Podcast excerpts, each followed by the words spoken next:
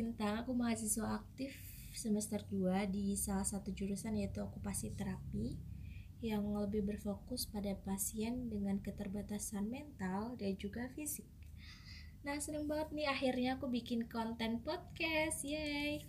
Karena sebenarnya aku pengen banget bikin podcast tuh udah dari lama, udah dari SMA, cuma aku baru ngerasa ini saatnya gitu ya sebenarnya aku gabut juga sih guys di tengah episode di rumah aja ya kan nah kali ini aku bakalan ngebahas tentang gimana kita harus ngehadepin kegagalan dan kritik dari orang lain. Nah pernah gak sih kalian kepikiran atau sadar bahwa ketika kita sedang pengen sesuatu atau kita lagi pengen dapat sesuatu nih kita pasti seolah-olah semakin dijauhkan dengan apa yang sedang kita kejar itu. Ya enggak sih?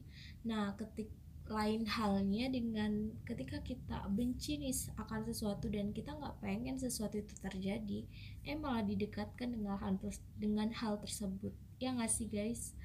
Nah aku pernah uh, baca dan juga dengar salah satu kutipan dari filsuf ternama uh, yang intinya tuh gini semakin kita pengen bahagia maka akan semakin kita dijauhkan dengan kata bahagia dan definisi bahagia itu sendiri.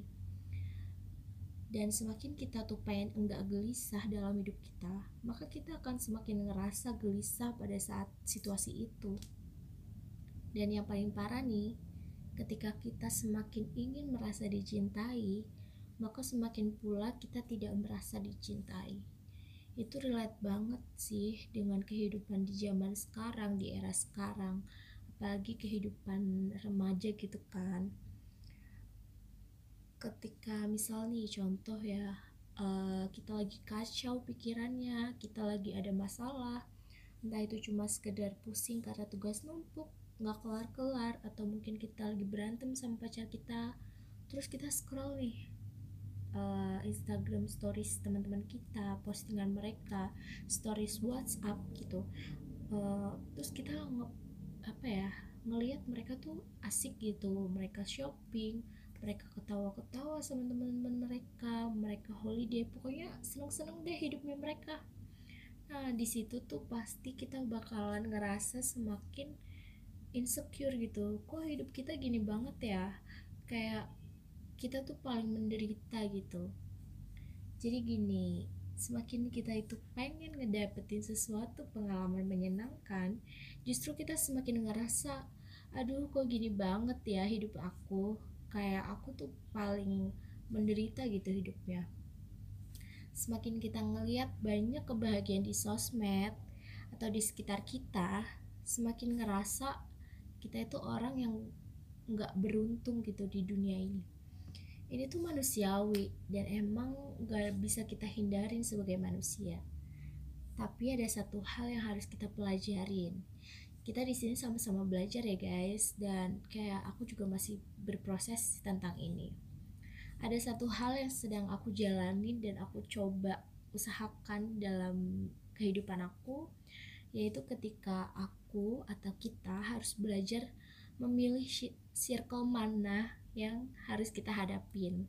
Yaitu nih ketika kita harus misal-misal nih ketika aku nggak bisa ngebagi waktu antara tugas dengan main atau ketika aku nggak bisa mengerjakan kuis padahal aku ingat bener tuh tadi malam aku belajar itu tapi kenapa aku nggak bisa ngerjain gitu kan nah ini tuh sebenarnya sepele gitu untuk orang lain. Ah lah cuma kayak gitu doang juga dipikirin. Tapi itu sebenarnya ini penting untuk aku gitu dan aku selalu kepikiran itu gitu. Nah rasa bersalah di sini tuh ada banget temen-temen aku kayak ngerasa bersalah kenapa aku nggak bisa ngerjain kuis itu padahal aku udah belajar gitu. Nah tapi nih akhir-akhir ini aku kayak mencoba untuk melepasi rasa bersalah itu dan jatuhnya tuh kayak enak gitu lega gitu. Kayak seolah-olah aku tuh ngerasa lebih happy dan enjoy dalam kerjain pekerjaan aku even itu lebih semangat untuk kuliah atau mungkin lebih uh, happy ketawa-ketawa sama teman-teman. Aku jadi lebih punya quality hubungan yang lebih baik sama teman-teman keluarga dan diriku sendiri gitu ini tuh yang ngebikin aku ngerasa yakin dan percaya kalau ternyata enak juga ya nggak terlalu memperdulikan rasa bersalah itu. Gimana dan gimana ini bisa dilakukan dan sukses diterapkan itu tergantung gimana cara kamu menjaga diri kamu sendiri dengan cara tidak terlalu memperdulikan hal yang seharusnya nggak perlu kita cemaskan gitu. Nah kalau misal terkait sama rasa bersalah tadi nih ketika aku semakin ngerasa bersalah dan jatuhnya itu bete gitu kayak sensi dan semakin ngebuat stimulus rasa bersalah itu tuh semakin nyata gitu. Contoh nih kayak aku lagi uh, sensi gitu aku lagi ngerasa bersalah terus aku bete terus tiba-tiba ada yang bilang gitu. Sebenarnya dia cuma ya ringan-ringan aja gitu ngomongnya kayak misal kamu kok ke mana-mana selalu pakai makeup sih? Emang kamu nggak bisa ya keluar nggak pakai makeup? Uh, terus kayak aku tuh langsung ngerasa emang dia pikir aku sehari-hari pakai makeup apa dari senin sampai minggu? Terus kayak contoh lain nih kamu kayaknya mampu deh buat beli HP itu tapi kenapa kamu nggak beli-beli? Ya emang dia pikir aku nggak berusaha juga untuk ngedapetin HP itu gitu. Kayak dia pikir aku terlalu boros terus aku nggak bisa ngedapetin barang yang aku mau gitu. Dan judgement judgement lainnya yang kayak gitu tuh sebenarnya nggak penting tuh untuk kita dengerin. Dan kalau dipikirin nih sebenarnya iya juga ya kenapa aku tertarik sama stimulus yang sebenarnya nggak perlu aku pikirkan dalam hidup ini. Tapi nih ada satu pesan yang harus kita ingat selalu nih bahwa nggak ada manusia yang secara fisik maupun mental itu tenang-tenang aja ketika mereka dikritik. Apalagi nih kita mengkritik mereka itu tentang isu yang ada di diri mereka sendiri uh, atau mungkin bahkan nih permasalahan hidup mereka terus kita kritikin gitu kayak ya siapa sih semua orang yang tenang-tenang aja digituin? Pasti nggak ada kan? Nah yang perlu kita lakuin itu menerima bahwa pengalaman negatif itu ya ada dan memang harus kita hadapin dalam hidup ini. Karena nih semakin kita pengen ngedapetin pengalaman positif dalam hidup kita maka semakin kita didekatkan dengan pengalaman negatif itu sendiri kayak yang udah aku bilang di awal tadi. Contoh nih kita pengen banget berhasil. Tapi apa yang kita lakukan nih justru terlalu fokus dengan kegagalan di masa lampau. Akhirnya, ini tuh yang ngebuat kita tidak akan pernah merasa berhasil. Dan kayak kita itu nggak pernah merasa bahagia, ya nggak sih?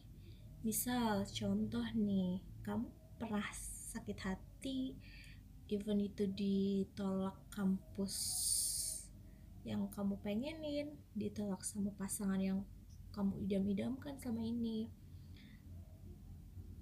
Ternyata ketika kita udah diterima di kampus kita yang sekarang nih yang sebenarnya peluang kerja yang lebih banyak kayak circle pertemanan yang lebih baik dan juga ketika kita udah sama pasangan kita sekarang eh, walaupun dia itu lebih baik daripada mantan kita kita ketika kita masih memikirkan kegagalan dan fokus pada masa lalu itu tuh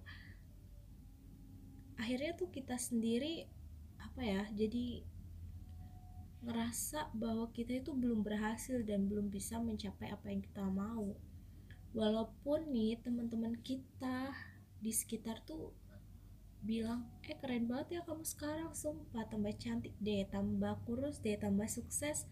Eh kamu keren ya kemarin ikut ini kamu keren deh bisa diterima di universitas itu kayak gitu kan. Tapi itu tuh semua nggak ada arti bagi kamu karena kayak kamu tuh masih terlalu memikirkan masa lalu yang sebenarnya nggak usah kamu pikirin gitu. Kayak ini tuh bakalan ngebuat kita berada di lingkaran sesat dan ketika kita nggak berusaha untuk memecahkan lingkaran itu tuh ya kita akan terus-terusan ngerasa nggak bahagia ya nggak sih Nah, segitu dulu aja deh eh, episode podcast kali ini. Karena aku juga iseng ngebuat ini dan semoga ada uh, pelajaran yang bisa kalian ambil dari podcastku ini. Dan jangan lupa share kalau kalian merasa ada pesan yang harus kalian sampaikan ke teman-teman kalian dan jangan lupa apa ya like dah